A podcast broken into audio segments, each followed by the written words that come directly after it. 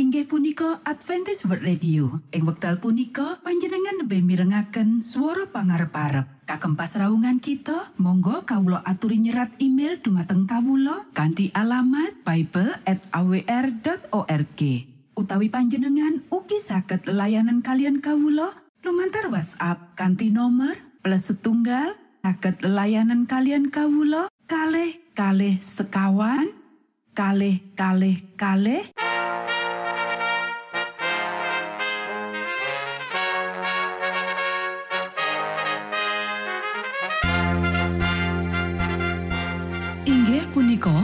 Adventist World Radio ingkang giaran kanthi basa Jawi. Tentrem Rahayu kula aturaken kagem para mitra kinasih ing pundi papan lan panggonan. Sugeng pepanggian malih kalian Adventist World Radio. Kanti bingahing manah Kulo badhe sesarengan kalian para mitra kinasih lumantar saperangan adicara ingkang sampun rinonci mligi kagem panjenengan sami. Mugi giaran punika saged migunani tuwin dados berkah kagem kita sedaya. Sugeng midhangetaken Gusti amberkahi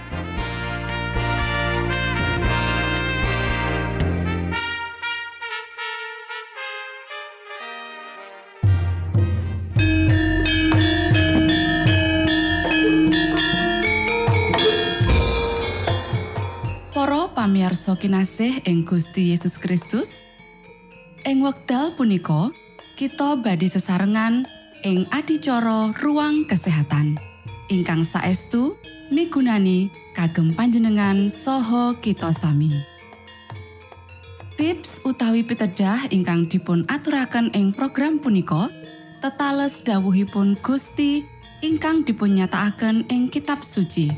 Semanten ugi sakehing seratan ingkang dipun wangsitaken dening Gusti Allah.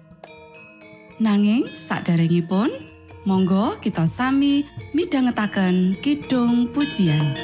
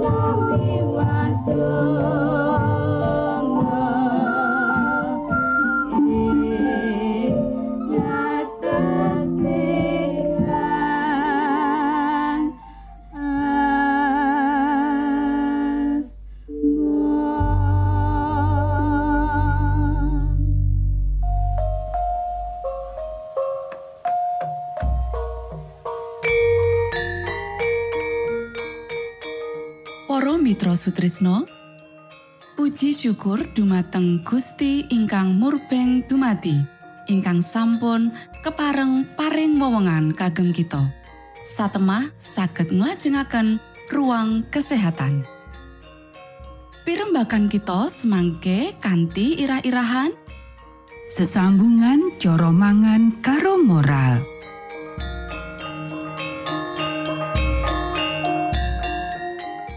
Nuwun dumateng para pamiarsa ingkang dahat kinurmatan sugeng pepanggian malih kalian kula Isti Kurnaidi ing adicara ruang kesehatan ing dinten punika kanthi irah-irahan sesambungan coro mangan karo moral Para sedherek ingkang kinasih Sang Kristus ninggalake kanggo kita sawijining piwulang kang wigati banget. Sakjroning piwulange panjenengane ora nyurung kita supaya males-malesan. Tulodo sing diparingake kosok balen karo bab iki. Sang Kristus ya iku sawijining juru karya sing temenan. Kesangi kebak karo panyingkuran diri, kasrekepan, kesabaran, keterampilan lan pengiritan. Panjenengane bisa maparake ing sangarepe kita bebaya ndadekake mangan lan ngombe sing paling wigati. Panjenengane nyatakake akibat saka masrahake diri marang pemanjaan selera. Kuasa moral diringkehake nganti dosa ora katon bebayani. Piolo dianggep remeh, nepsu kewan nguasani pikiran, nganti kabeh basa tanpa prinsip lan swara ati. Banjur Gusti Allah diino. Kabeh iki ya iku amarga mangan lan ngombe kakean. Kahanan kaya iki dingendikake bakal muncul sadurunge karawuhane sing kaping pindho. Apa pria lan wanita bakal diwenehi amaran? Apa dheweke gelem ngasih pepadang utawa gelem dadi abdi selera lan nepsu? Kristus ngadepake marang kita sangu barang sing dhuwur kanggo diusahake luwih katimbang opo sing bakal kita pangan, opo sing bakal kita ombe, utawa opo sing bakal kita enggo. Mangan, ngombe lan nyandang, mangkono keluwihan nganti dadi piolo. Lan iki ya iku salah siji dosa sing paling gedhe ing jaman pungkasan sing dadi salah siji tondo kerawuan Sang Kristus. Wektu, duit lan kekuatan sing dadi kagungane Gusti sing wis dipercayakake marang kita wis diporosake sakjroning nyandang sing mewah lan kesenengan nepsu sing diselewengake sing nurunake daya tahan badan lan gawa kasengsaran lan kamrosotan. Ora mungkin misungsungake badan kita dadi sawijining korban sing urip marang Gusti Allah. Sawetara badan iku dikepaki kanthi piolo lan loro dening pemanjaan kita sing kebak dosa iku. Piala ngombro-ombro amarga selera sing ora dikendaleni. Para sedherek ingkang kinasih, akeh wong rumangsa kumun menawa titah manungsa mengkono merosot sakjroning badan, mental lan moral. Dheweke ora memahami menawa iku ya iku panerak marang angger-angger kesehatan sing ngasilake kamrosotan kaya mangkono. Panerak marang angger-anggering Gusti Allah wis ngatohake astaning Gusti sing kebak kemakmuran iku. Mangan lan ngombe kanthi cara ora tarak, pemanjaan nepsu kewan, wis nglempokake perasaan nganti perkara-perkara suci dipadakake karo perkara-perkara sing lumrah. Para sederek, wong-wong sing lilakake dirine dijajah dening selera sing murka, asring mlangkah luwih adoh lan ngasorake derajate dening pemanjaan nepsu sing dirangsang amarga mangan lan ngombe ora tarak. Dheweke nguculake nepsu kewan kanthi intelek lan kesehatan sing soro banget. Tetimbangan sehat dadi rusak amarga pakulinan piolo sing lewati wates. Mangan lan ngombe ora teratur, nyandang kanthi ora pantes, ngasorake pamikiran lan ngregeti ati, lan uga njajah sifat jiwa sing agung nganti tekan ing taraf nepsu kewan. Ojo wong sing aku saleh nganggep sepele kesehatan badan lan nguji dirine menawa kurang tarak dudu dosa lan ora mengaruhi karohanen. Ono sesambungan raket antaraning alam badan lan alam moral. Standar kabecikan didhuwurake utawa diasorake dening pakulinan badan. Mangan panganan kanthi becik, kanthi cara kakean, bakal ngasilake kahanan perasaan moral sing ringkih. Menawa panganan iku dudu sing paling nyihatake, pengaruhe luwih bebayani maneh. Pakulinan apa wae sing ora ningkatake kegiatan organ badan, ngasorake pamikiran sing lantip lan agung. Pakulinan mangan lan ngombe sing salah bakal nyebabake pemikiran lan tindakan sing salah. Pemanjaan selera nyokong sifat kewan lan nguasani pikiran lan roh. Matur nuwun, Gusti Amerkahi.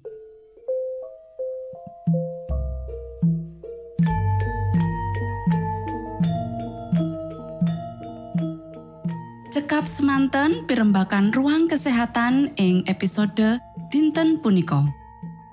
Ugi sampun kuatos jalaran kita badhe pinanggih malih ing episode sak lajengipun.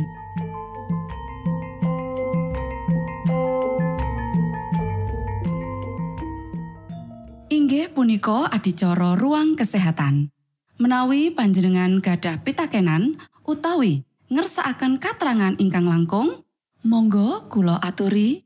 Kinton email dateng alamat ejcawr@ gmail.com utawi lumantar WhatsApp kanti nomor 025 pitu 00 songo songo papat 00 pitu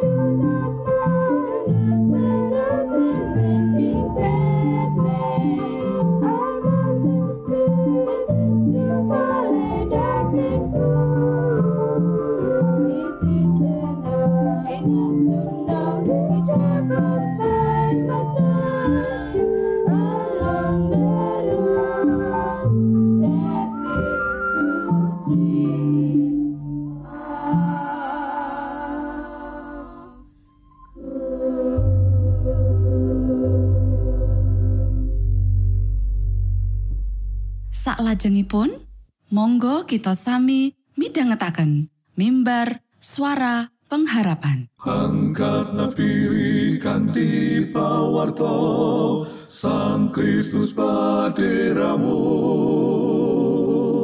Pro umat samyo puji asmanyo Sang Kristus paderamu Inggih punika mimbar suara pengharapan.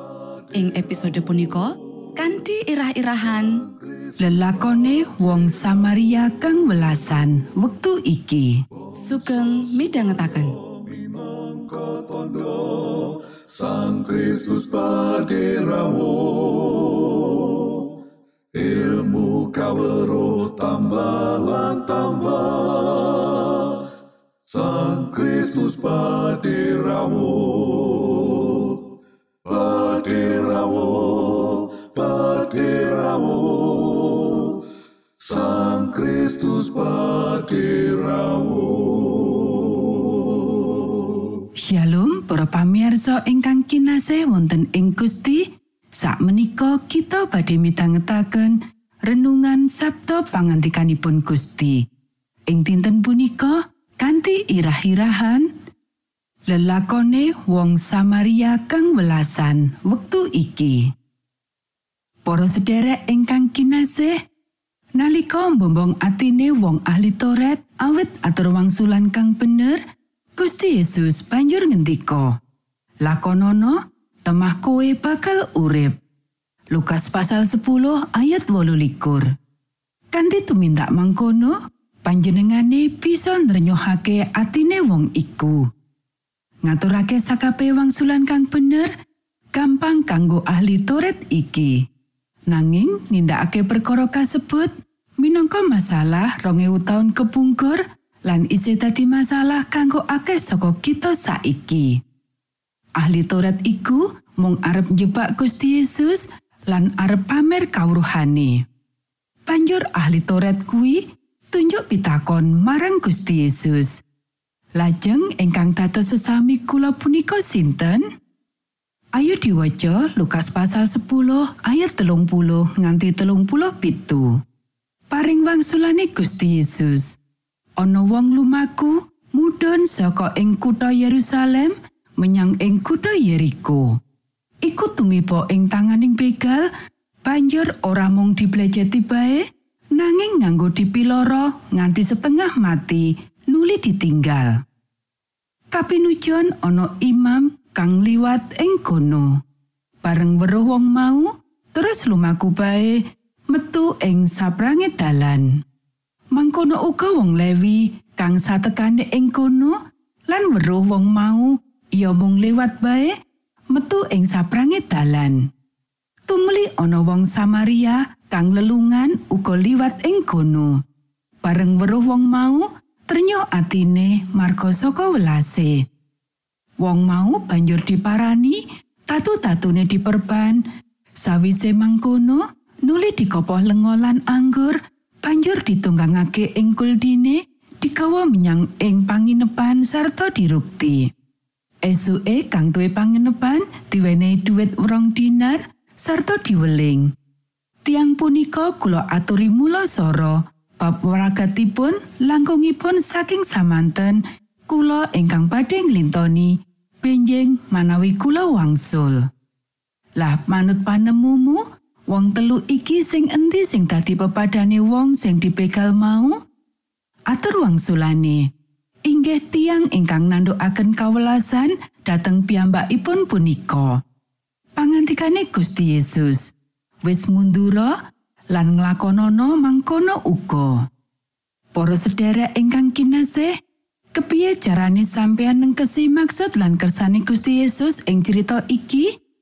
Apa ana wong-wong ing sakiwa tengen kita kang ditanduki kanthi ora adil karo wong liyane? Apa kita wis nglakoni apa kang bisa kita lakokake kanggo mitulungi wong-wong iku? Sanyatane bener, menawa kadangkala para pendeta, pinituwa lan para warga pasamuan ora mbiyantoni wong-wong kang butuhake pitulungan. Kadangkala wong-wong saka keyakinan liya malah duweni rasa welas marang wong kang ana ing masyarakat tinimbang karo kita. Kita bisa bae caturan piye carane dadi wong apik, nanging wong liya justru kang bisa nyukupi kabutuhan saka wong liyane kang ora kita lakoni. Menawa kita pengin iman kita duweni arti, kita kudu ngrengko lan biyantu wong kang nandang kacingkrangan. Para sederek, Gusti Yesus nyepulake cerita wong Samaria kang ambek welasan kuwi kanthi takon sapa ing antarane wong telu kuwi kang bener-bener dadi sapepodo saka wong kang butuh pitulungan mau. Kanthi mangkono, pitakonan sapa sapepadane manungsa diwangsuli selawase. Gusti Yesus wis nuduhake menawa pepadane manungsa kuwi dudu mung wong sak pasamuan utawa sak iman karo kita. Bab kuwi ora ana kandeng rentenge karo suku, ras utawa beda golongan. Sapepadane manungsa ya iku saben wong kang butuhake pitulungan. Sapepadane manungsa ya iku wong ketaton lan katindhe karo mungsuh. Sapepadane manungsa ya iku saben wong kang dadi kagungane Gusti Allah. Monggo kita sami ndedonga. Durama kawula ingkang wonten ing swarga, asma patuko mugi kasucikaken. Kraton patuko mugi rawuh. Karso patuko mugi kalampahan wonten ing bumi, kados dene wonten ing swarga. Kawula mugi kaparingan rejeki kawula sak cekapipun ing dinten punika. Saha patuko mugi ngapunten kalepatan kawula, kados dene kawula inggih ngapunteni tetiang ingkang kalepatan dhateng kawula. Punapa dene kawula mugi sampun ngantos katantukaken dhateng ing panggoda nanging mugi sami patuko uwalaken saking piawon. Awit dene patuko ingkang kagungan kraton saha wisesa tuen kamulyan salami laminipun. Amin.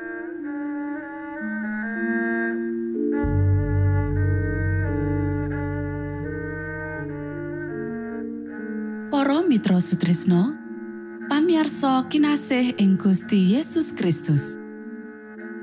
Sampun paripurno pasamuan kita ing dinten punika. Menawi panjenengan gadah pitakenan utawi ngersaakan seri pelajaran Alkitab suara nubuatan Monggo Kulo aturi kinton email dateng alamat ejcawr@ gmail.com utawi lumantar WhatsApp kanti nomor 025 pitu 00 songo songo papat 00 pitu.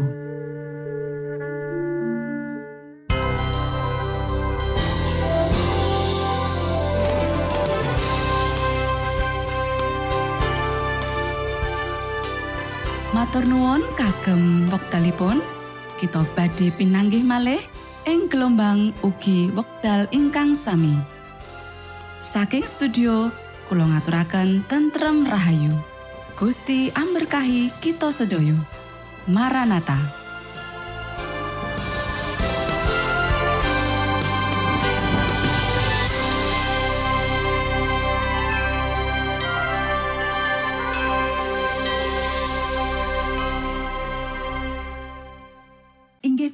Adventist World Radio. Ing wekdal punika panjenengan lebih mirengaken swara pangarep-arep. Kagem pasraungan kita, monggo kawulo aturi nyerat email dumateng kawulo kanti alamat bible@awr.org.